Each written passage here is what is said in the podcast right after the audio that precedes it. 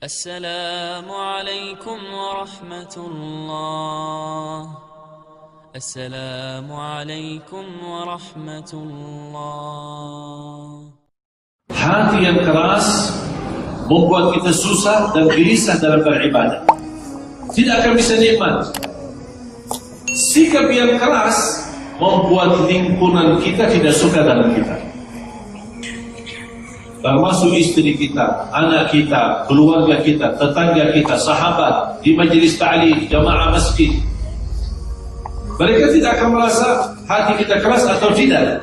Tapi yang membuat kita beban ketika hati keras, susah beribadah.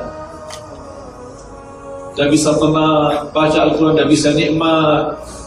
Ingin beramal salih tapi malas. Selalu kehilangan kesempatan taufik Allah. Setiap kita ingin bergerak beramal salih tapi taufik Allah malah menjauh karena hati kita keras. Kasar. Apa sebabnya hati kita keras? Apa sebabnya? Ada tiga. Hati-hati dari tiga poin yang menyebabkan hati kita kasar. Mata melihat. Mata melihat. Apalagi sekarang di sosial media bebas Allah memerintahkan menjaga pandangan. Laki-laki menjaga pandangan, perempuan juga menjaga pandangan. Apa yang terjadi? Bebas mata. Lihat kanan kiri, sosial media bebas, TV bebas. Tanpa kita sadar, membuat mata itu setiap pandangan mata itu panah dari iblis, dari setan. Satu fakta. Kalau kita segera menutupi dengan istighfar karena melihat pandangan pertama halal. Tapi jangan terlalu panjang yang halal itu. Kepanjangan, kelamaan, jadi halal. Itu tidak boleh. Bagaimana kita menjaga pandangan? Tak mungkin kita berjalan sambil buta, menutupi mata terus. Tidak mau lihat. Tetapi begitu kita lihat, ingat firman Allah, jagalah pandanganmu. Allah tidak menyuruh, jangan melihat. Allah tidak perintah, jangan melihat. Karena melihat pasti terpaksa bakal melihat. Tapi Allah meminta, kalau sudah terlanjur melihat, jaga pandangan. Begitu kita segera beristighfar, insya Allah bersih hati kita. Beda sama orang yang melihat pandangannya terlalu lama lagi diikuti perasaan, kenikmatan, kesenangan sampai terbawa dalam mimpi. Barangkali itu jodoh saya. Tapi subhanallah ingat, di malam itu kalau sudah mulai berbicara seperti ini, di malam itu tak bakal bisa salat malam. Sebagaimana kata Al-Hasan Al-Basri, Wallahi yang menyebabkan kita susah bangun salat malam adalah dosa yang kita lakukan sebelumnya.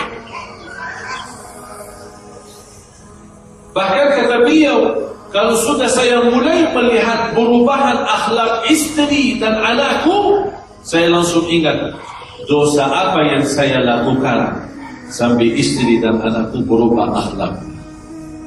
Begitu luar biasa mereka muhasabah. Bukan malah salahin orang, mereka ingat dirinya.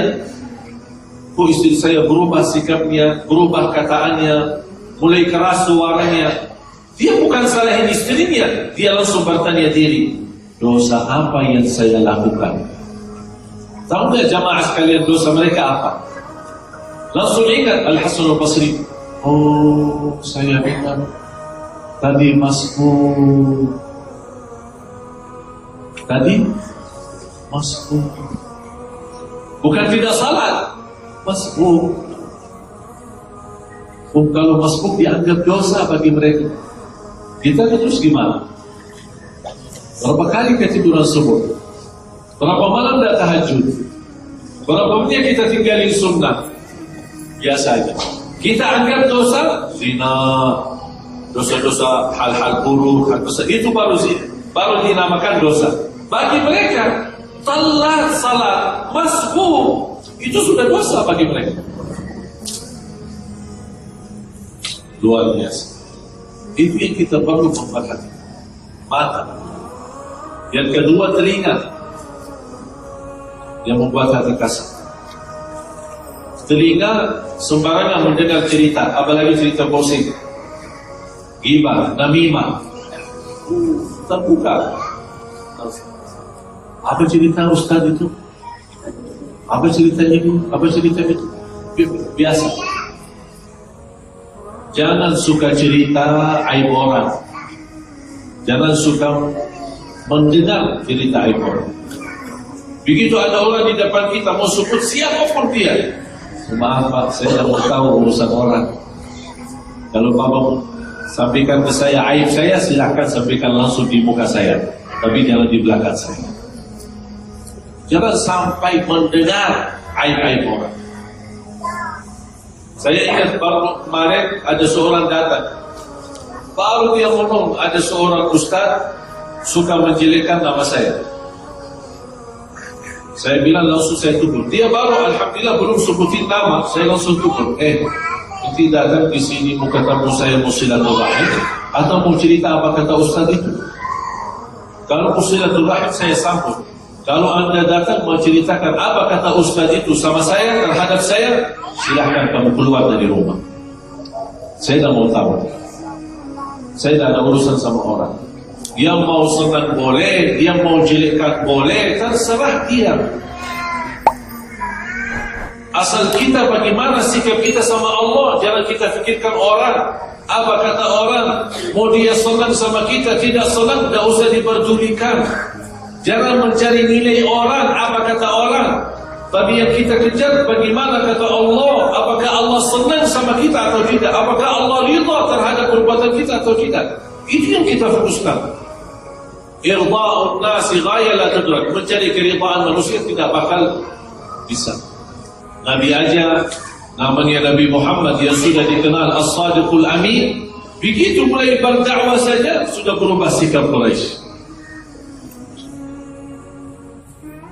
Jadi hati-hati jangan sembarangan dengar cerita.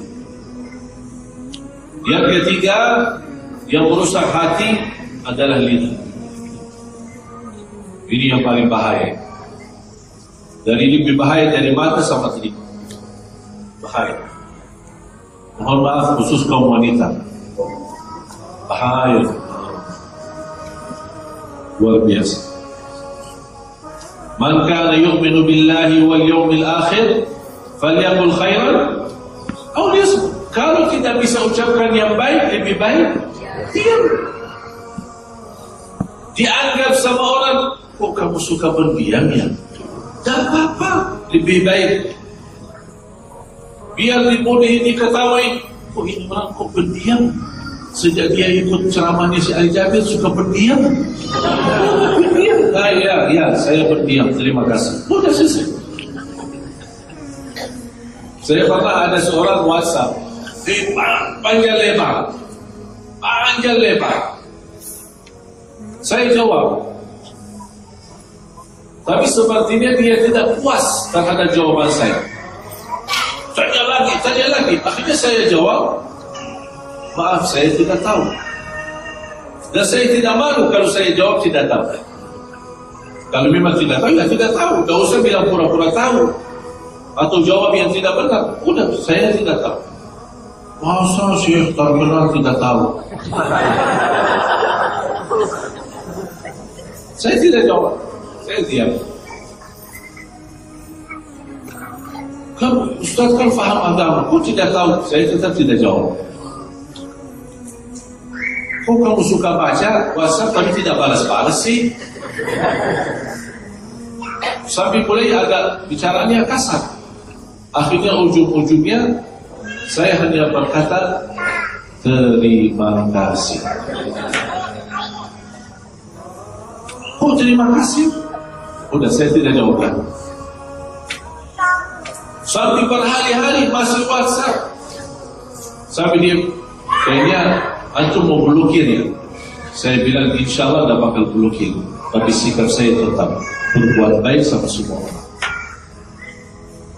Tak usah panjang lebar. Orang berkata kita bodoh, terima kasih. Alhamdulillah Allah tahu apakah saya bodoh atau tidak. Kita biarkan. Tidak usah terlalu sensitif terhadap ucapan orang.